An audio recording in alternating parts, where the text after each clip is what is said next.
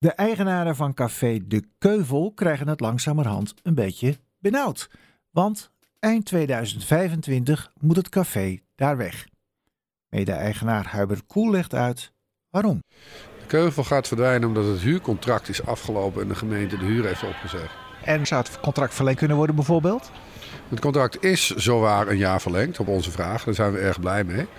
Ehm, en uh, verder zijn zij van zins hier te gaan saneren. In saneren? Wat saneren? De grond saneren. De grond is vervuild. Het is een voormalige scheepswerf. En uh, die moet gedeeltelijk, in ieder geval zoals het in kaart gebracht is, gesaneerd worden. Ja. Nou, misschien even iets over de ontstaansgeschiedenis uh, van de Keuvel. want tien jaar geleden is hier de boel opgestart, hè? Ja, tien jaar geleden heeft Space Matter, een lokaal architectenbureau, hier een, uh, de pitch gewonnen, zoals het populair heet. En de grond om tien jaar lang om niet is uitgegeven om hier een duurzaam uh, broedplaats te beginnen met een hotel en een café. Nou, en als ik om me heen kijk, is er nog wel uh, iets meer dan dat onderhand, geloof ik. Er liggen ook allemaal woonboten op het droge, hè? Ja, er liggen veertien gesaneerde woonboten die we allemaal voor 1 euro hebben gekocht. En hebben opgeknapt op het op land gezet en er is een fantastisch uh, park aangelegd. Nou, er is hier inderdaad dus een café, een restaurant. Daar zitten we nu van op het uh, terras. Maar er zijn ook ondernemers aan de gang hier, toch? Ja, gelukkig wel. Er zijn uh, allerlei kleinschalige ondernemers die in die 14 woonboten zitten. En er zijn er wat grotere ondernemers zoals wij van het café en het hotel... die ongeveer 40 man personeel hier hebben. Ja. Maar goed, op het moment dat je voor uh, 10 jaar om niet een terrein krijgt... en de 10 jaar zijn om, dan uh, hoef je denk ik toch niet heel raar op te kijken dat het feest ook eens een keer voorbij is, niet? Ja, dan mag je niet zeuren, zeg je eigenlijk. Uh, ja, all in the game. ja, it's all in the game en dat klopt ook. Uh, de verdediging is als volgt. Wij waren ons niet bewust van het succes wat we teweeg hebben gebracht in de Buiksloterham.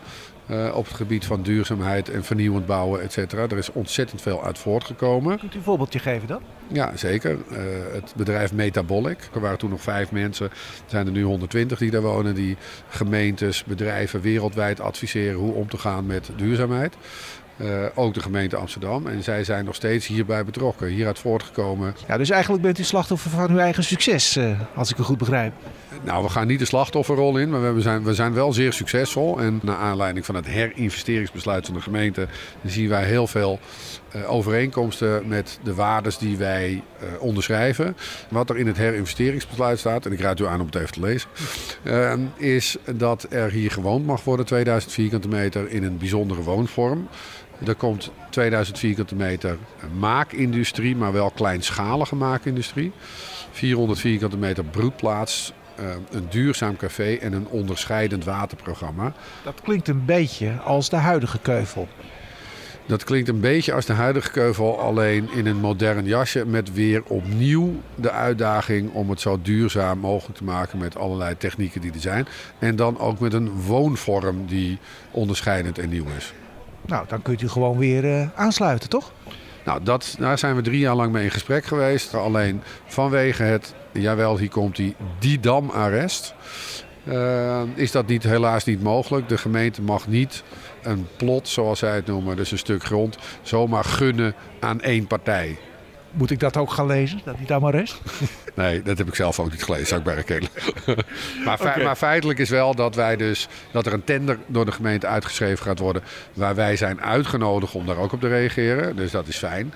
Maar dat geeft geen garantie dat wij het ook krijgen. Nee, maar goed, die regels zijn er niet voor niks. Wat zou je dan verwachten? De, het stadsdeel kan toch niet van de regels afwijken? Het stadsdeel kan niet van de regels afwijken. Dat is de vraag ook niet. De vraag is helder en simpel. Als wij begin 2025 hier weg zijn, dan is nu de stelling dat we na die tijd de tender uitgeschreven wordt door grondzaken, RNO. Uh, onze vraag is helder en klaar. Schrijf hem nu uit, zodat iedereen weet waar die aan toe is.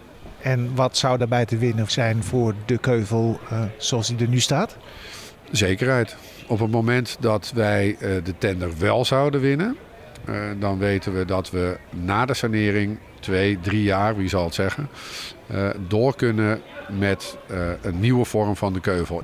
En dat betekent dat we in een soort overlevingsstand zullen moeten. Waarbij we weer een ander probleem en een grotere vraag aan het stadsdeel gaan stellen. Geef ons een plek waar we kunnen overleven. Eventueel in een veel kleinere vorm. Maar ik denk dat we daar wel uit zullen komen. En als dat over drie jaar pas duidelijk wordt, wat is dan uw probleem op dat moment?